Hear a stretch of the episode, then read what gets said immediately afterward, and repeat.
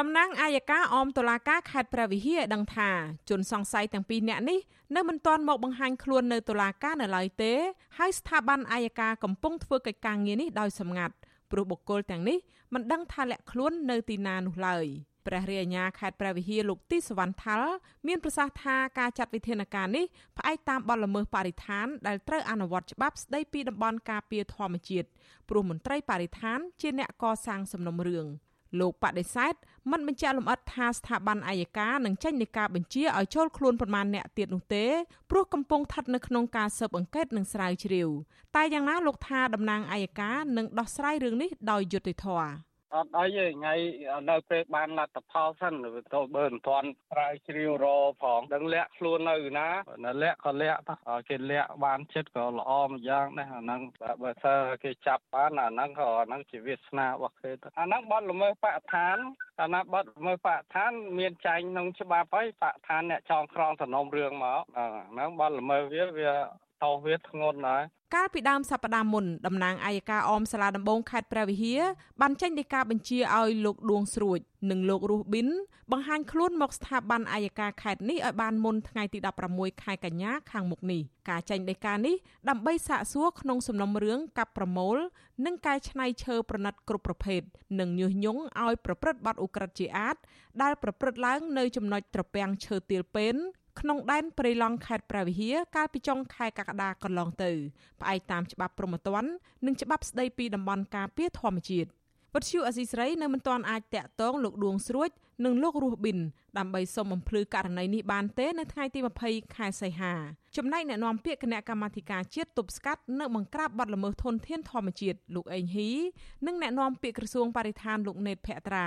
ក៏មិនអាចតាក់ទងបានដែរដោយទូរស័ព្ទហៅចូលតែគ្មានអ្នកលើក សកម្មជនបរិស្ថានលោកហេងស្រស់វិញលោកសង្កេតឃើញថានៅមានក្រុមអង្គការនិងអ្នកមានអំណាចជាច្រើនអ្នកទៀតដែលជាប់ពាក់ព័ន្ធទៅនឹងបទល្មើសព្រៃឈើក្នុងដែនជំរកសត្វព្រៃព្រៃឡង់នៅមិនទាន់ឃើញស្ថាប័នអាយកាស៊ើបអង្កេតនិងចេញដីកាកោះហៅនៅឡើយទេលោកទៀមទាឲ្យស្ថាប័នអាយកានិងតុលាការត្រូវស៊ើបអង្កេតនិងស្រាវជ្រាវរកអ្នកពាក់ព័ន្ធបន្ថែមទៀតហើយត្រូវបិទក្រុមហ៊ុនទាំងឡាយណាដែលបានធ្វើអាជីវកម្មឈើខុសច្បាប់ក្នុងដែនព្រៃឡង់ លោកសង្កេតឃើញថាក្រោយពីព្រះរាជអាជ្ញាចាត់វិធានការរឿងនេះក្រុមហ៊ុនវៀតណាម PNT បានផ្អាកដំណើរការហើយ បើសិនជាមិនមានការបើកដៃបើសិនជាមិនមានការឲ្យភ្លើងឃីវចេញពីមន្ត្រីបរិរដ្ឋាភិបាលទេខ្ញុំគិតថារាល់ការកាប់បំផ្លាញព្រៃឈើនៅតំបន់ព្រៃឡង់អត់អាចប្រព្រឹត្តទៅបានទេដោយសារតែមន្ត្រីទាំងអស់នោះបើសិនជានរណាមួយមិនបានបង់ប្រាក់បើសិនជានរណាមួយមិនបានសោកប៉ាន់ទៅលើខ្លួនទេគឺអ្នកនោះគឺមិនមានសិទ្ធិក្នុងការកាប់ឈើនៅក្នុងតំបន់ព្រៃឡង់ឡើយកន្លងទៅប្រជាសហគមន៍ព្រៃឡង់និងសកម្មជនការពារព្រៃឈើរកឃើញសកម្មភាពកាប់បំផ្លាញព្រៃឈើខ្នាតធំដែលប្រព្រឹត្តឡើងដោយក្រុមហ៊ុនវៀតណាម PNT និងក្រុមហ៊ុន Thinga ក្រុមហ៊ុនទាំងនេះបានបញ្ជូនកម្លាំងកម្មកររាប់សិបនាក់ចូលព្រៃឡង់កាប់ឈើហើយបានរាលដាលដល់តំបន់បេតិកភណ្ឌឬហៅថាតំបន់ស្នូលដែលជាកន្លែងសម្បូរដើមឈើធំធំ និងដើមឈើផ្លិតជ័រទឹកដែលអ្នកស្រុកអាស្រ័យផលក្នុងព្រៃឡង់លោកដួងស្រួចនិងប៉ាក់ពួកក៏មានពាក់ព័ន្ធទៅនឹងការធ្វើអាជីវកម្មឈើខុសច្បាប់ជាមួយក្រុមហ៊ុនទាំងនេះក្នុងដែនជំរកសត្វព្រៃឡង់ដែរ។ វត្តឈូអសីសេរីបានព្យាយាមតាក់ទងសុំការបំភ្លឺរឿងនេះពីតំណាងក្រុមហ៊ុនធីងានិងអភិវឌ្ឍតាមរយៈលេខទូរស័ព្ទនៅក្នុងគេហទំព័រសាជីវកម្មតែគ្មានអ្នកលើកនៅថ្ងៃដដែលនេះប៉ុន្តែអ្នកតំណាងក្រុមហ៊ុនវៀតណាម PNT ជាជនជាតិតៃវ៉ាន់បានប្រាប់វិទ្យុអេស៊ីសេរីតាមទូរស័ព្ទដោយមិនបង្ហាញឈ្មោះថាលោកមិនអាចបំភ្លឺរឿងនេះតាមទូរស័ព្ទបានឡើយប៉ុន្តែបើចង់ដឹងលម្អិតឲ្យតាក់ទងទៅការិយាល័យក្រុមហ៊ុនក្នុងក្រុងភ្នំពេញ។ អ្នកសម្របសម្រួលសហគមន៍ព្រៃឡង់ខេត្តព្រះវិហារលោកស្រីថៃ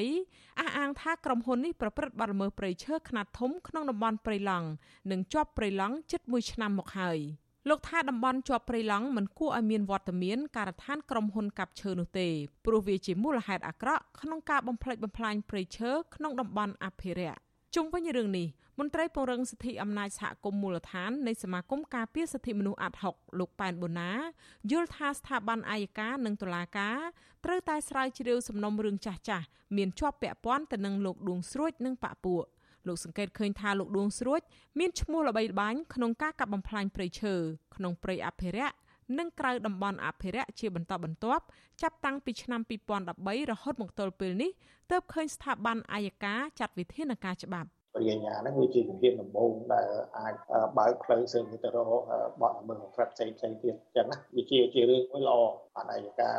អាចដែលឆន្ទៈរបស់ខ្លួនក្នុងការផ្ដល់ទាបទោសអ្នកដែលកាប់លុបដើមឈើហ្នឹងធ្វើអាជីវកម្ម របាយការណ៍ស្រាវជ្រាវរបស់សកម្មជនបរិស្ថានបង្ហាញថាលោកដួងស្រួច ជានាយកក្រុមហ៊ុន Wood Innovation និងជាម្ចាស់ក្រុមហ៊ុនដួងស្រួយគ្រប់ធ្លាប់មានរឿងអាស្រូវប្រមូលឈើទ្រង់ទ្រាយធំជុំវិញព្រៃឡង់និងក្នុងតំបន់ព្រៃឡង់ខេត្តព្រះវិហារ នៅក្នុងឆ្នាំ2013រហូតដល់ឆ្នាំ2017ក្រោយមក បានផ្ទេរសិទ្ធិទៅឲ្យក្រុមហ៊ុនធីងាអភិវឌ្ឍកាលពីឆ្នាំ2018វិញ